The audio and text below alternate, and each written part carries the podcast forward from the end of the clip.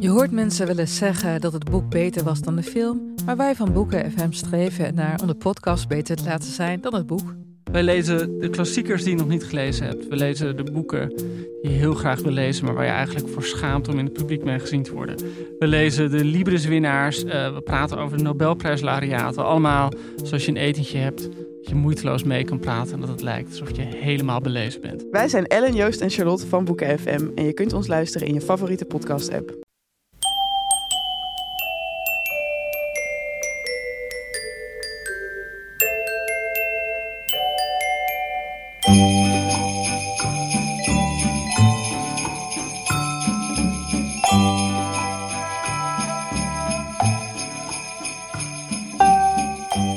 Aflevering 178 van de Echt Gebeurd podcast, waarin waargebeurde verhalen worden verteld door de mensen die ze zelf hebben meegemaakt. In deze aflevering een verhaal van Elma Draaier, verteld tijdens een verhalenmiddag rond het thema De Ex.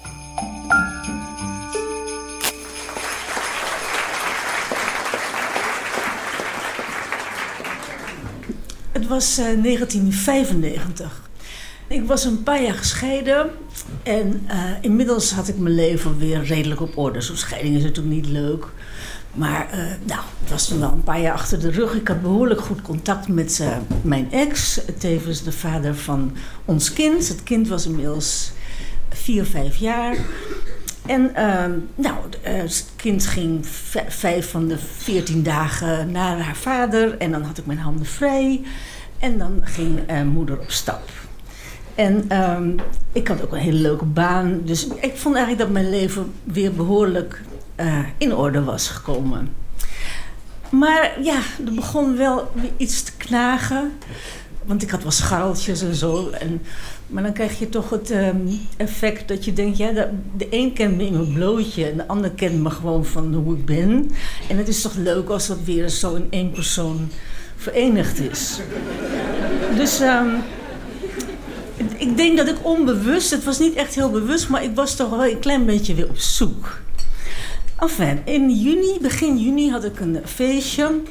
En daar kwam ik een man tegen die ik nog kende. Het wordt nu even ingewikkeld. Die ik nog kende van 20 jaar daarvoor, dus van 40 jaar geleden. Uit mijn studententijd, begin van mijn studententijd. En hij was weer een studiegenoot van mijn toenmalige verkering, met wie het al lang uit was.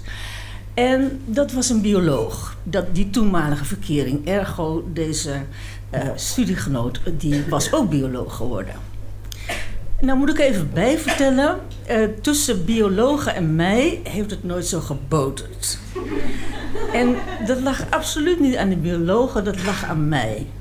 Niet dat ik toen al zo nuf was dat ik een parelketting droeg en zo, maar zoals zij waren, dat was echt zo anders dan ik was. Om een voorbeeld te geven, ze droegen, alle clichés waren waar, hè? Ze droegen allemaal gebreide truien. Echt geitenwolle sokken. Ik heb ze daar voor het eerst en voor het laatst gezien. Um, ik herinner me, oh, ze waren ook heel erg milieubewust. Dus het was steenkoud in al die huizen. Want dat is namelijk, op een of andere manier moest dat. En eh, bijvoorbeeld met Koninginnedag, dat kwam toen zo'n beetje op. Hè? Zo eind jaren zeventig kreeg je die massale Koninginnedagen. En dan gingen ze gesminkt de straat op. En, want dan waren ze op zoek naar de clown in zichzelf of zoiets. En nou, daar was ik nooit zo nieuwsgierig naar, die clown. Dus dat, dat, dat liep niet lekker.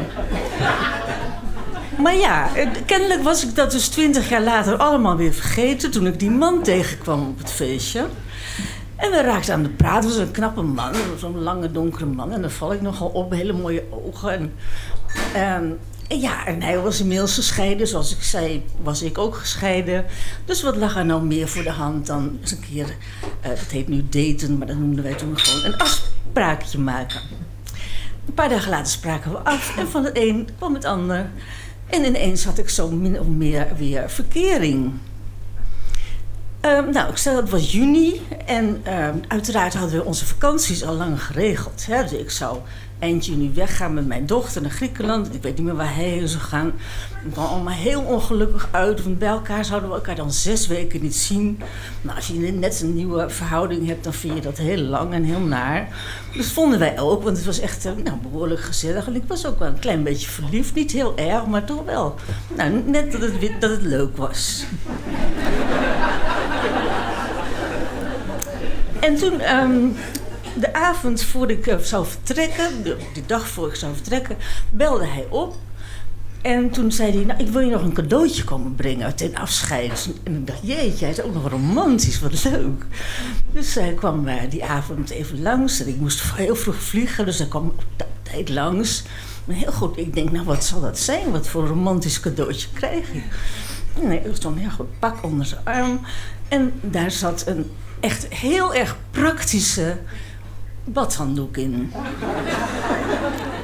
uh, donkerblauw, zo'n donkerblauw badlaken met grote geel-gouden zeesterren. Echt ontzettend praktisch, maar, maar niet heel romantisch, vond ik toch eigenlijk.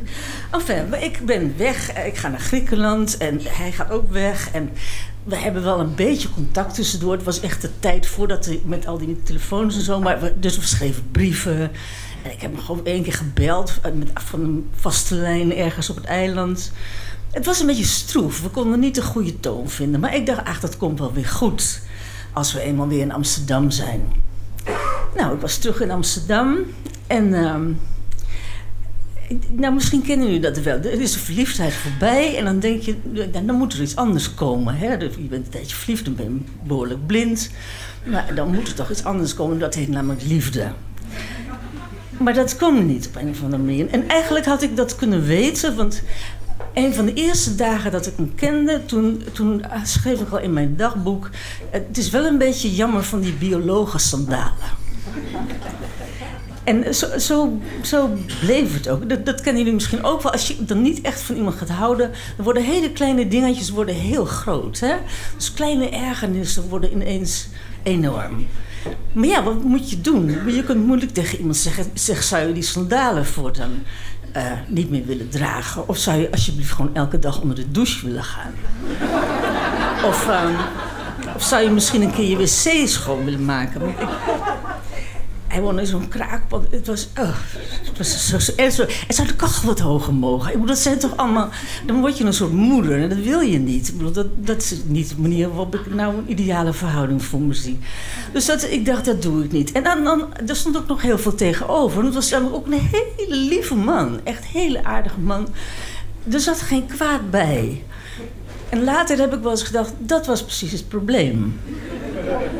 Zat geen kwaad bij. Maar ja, wat moet je eraan doen? Bovendien ben ik in deze dingen extreem laf. Dus ik, om nou een dappere stap te zetten, dat uh, lukte me niet. Heel erg trouw was ik ook niet, moet ik tot mijn schaamte bekennen. Ik had nog een vriendje op Cyprus. Daar ging ik uh, een weekje heen. En uh, ik moest later dat jaar, ik werkte toen bij Vrij Nederland, moest ik naar Thailand een week. Uh, onverwacht. En uh, nou, dat was echt een fantastische week. Daar ontmoette ik mensen met wie ik nog steeds bevriend ben. Mensen bij wie ik wel hoorde, zou ik maar zeggen. Dat zo'n gevoel. En, en, toen ik terug was, dacht ik, ja, ik moet het toch eigenlijk uitmaken. Maar um, uh, na dat heerlijke weekje in Thailand. Maar ja, jeetje, ik had net met hem afgesproken, voordat ik naar Thailand ging. We gaan nog oud en nieuw vieren samen. Um, in de Ardennen. Nou, moet ik ook nog even iets uitleggen over de Ardennen en mij. Dat, ze, dat ze komt echt ook nooit meer goed. Uh, dat is echt... Ik vind het zomers al heel erg. Het, is, het, regent er altijd. En die ontzettend treurige dennenbossen. En ik heb altijd van die Dutroux-associaties dat ik daar ben. Ik, het, het wil gewoon nooit lukken tussen de Ardennen en mij. Maar oud en nieuw in de Ardennen, mag ik jullie één advies geven: doe dat nooit. Dat is echt allertreurigste wat er is. Goed, deze bioloog had dus als gewoonte om met een vriendengroep dan in de Ardennen, in een groot huis dat ze hadden afgehuurd, uh, daar oud en nieuw te vieren. Dus ik mee. Um, oh, dat ben ik vergeten te vertellen. De, de bioloog was ook nog een klein beetje op de penning. Nou ben ik zelf ook niet een enorme big spender, maar een beetje royaal af en toe vind ik tegenover elkaar wel aardig. Maar hij was behoorlijk op de penning. En uh, we zouden met een auto naar de Ardennen gaan en hij zou een auto huren. En uh, er stopte voor mijn deur werkelijk echt zo'n autootje, het allerkleinste autootje. En daarmee tuften wij naar de Ardennen. En um, we kwamen daar aan en die vrienden kende ik nauwelijks. Dat ik één keer zo half ontmoet. En ik dacht dan meteen, oh, dit, gaat gewoon niet goed. Ik hoor je zo heel erg niet tussen. Uh, had het nou maar gesneeuwd? Dan is het nog wat, die Ardennen. Hè?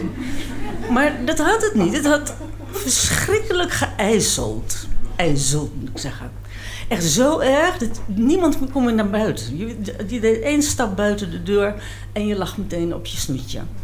Uh, je kon niet met de auto weg, je kon helemaal niks. Dus ik zat echt opgesloten in het huis, waar het ijskoud was, zoals jullie willen begrijpen. Tussen mensen die, die mij vreselijk vonden en ik, ik vond hen nou niet echt heel leuk. Hele opgevoede kinderen renden overal door dat huis. En tussen de bioloog en mij was het ook niet dat je zegt heel gezellig. En um, ik heb nog op punt gestaan naar Amsterdam te gaan, maar ik kon niet weg. Ik kon, ik kon dus niet de deur uit. Ik was echt opgesloten daar in huis. En toen brak 31 december aan. En uh, die vriendengroep had ook de traditie om dan op uh, de avond van 31 december, het diner, om dan met z'n allen uh, dan moest je van jong naar oud moest je dan zeggen uh, wat is het hoogtepunt geweest, wat het hoogtepunt was geweest van het jaar dat wat achter ons lag. Nou ja, ik vond het een beetje een malle gewoonte, maar goed, ik, moest natuurlijk meedoen. En op een gegeven moment was het mijn beurt, dus eerst waren de kinderen en dan de, wat mensen die iets jonger waren dan ik en toen was ik. En ineens kreeg ik iets uh, wat ik heel veel eerder had moeten hebben. Ik werd namelijk ineens, ik ga de waarheid zeggen. Ik ga precies zeggen hoe het is. Dus ik, ik was aan de beurt. En um, nou, wat was dan jouw hoogtepunt van uh, 1995? Nou, dat was het reisje naar Thailand. Nou, dat was niet, uh, niet echt de bedoeling. En hij was wat ouder, de bioloog was wat ouder dan ik. Dus toen hij aan de beurt was, ik, ik weet niet eens meer wat hij heeft gezegd. Maar het was echt zo verschrikkelijk. En ik schaam me nog, zo, nog steeds zo voor dat ik dat zo heb gedaan. En dat ik het niet eleganter heb gedaan. Want, nou ja, het was, ik, eh, ik ben er niet trots op, om maar zo zacht te zeggen. Het was ook het moment dat het echt uit was. Dat was duidelijk. Ik ben een paar dagen later, toen we weer in Amsterdam waren, naar hem toe gegaan met de fiets. En gezegd, nou volgens mij werkt het niet tussen ons. Ik ben natuurlijk niet eerlijk geweest, want je gaat niet over die truien beginnen, die sandalen. En die, hè, maar het was natuurlijk gewoon dat er geen liefde was tussen ons. En ik had meteen besloten, nou jongens, dit is het. Ik, uh, ik vind het eigenlijk veel leuker om weer uh, uh, lekker in eentje te zijn met het kind. En met af en toe een scharreltje. Dat bevalt me eigenlijk uitstekend. En nou ja, een paar maanden later was ik op feestje. Het was inmiddels weer juni.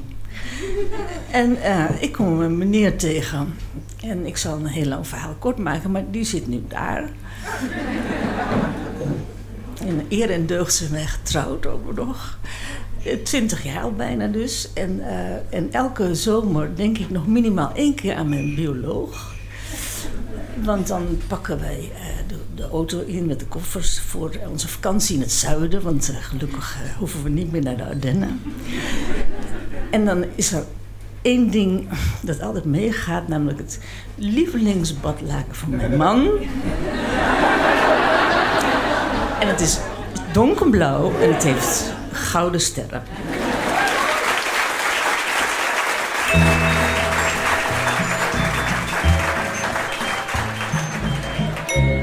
Dat was het verhaal van Elma Draaier.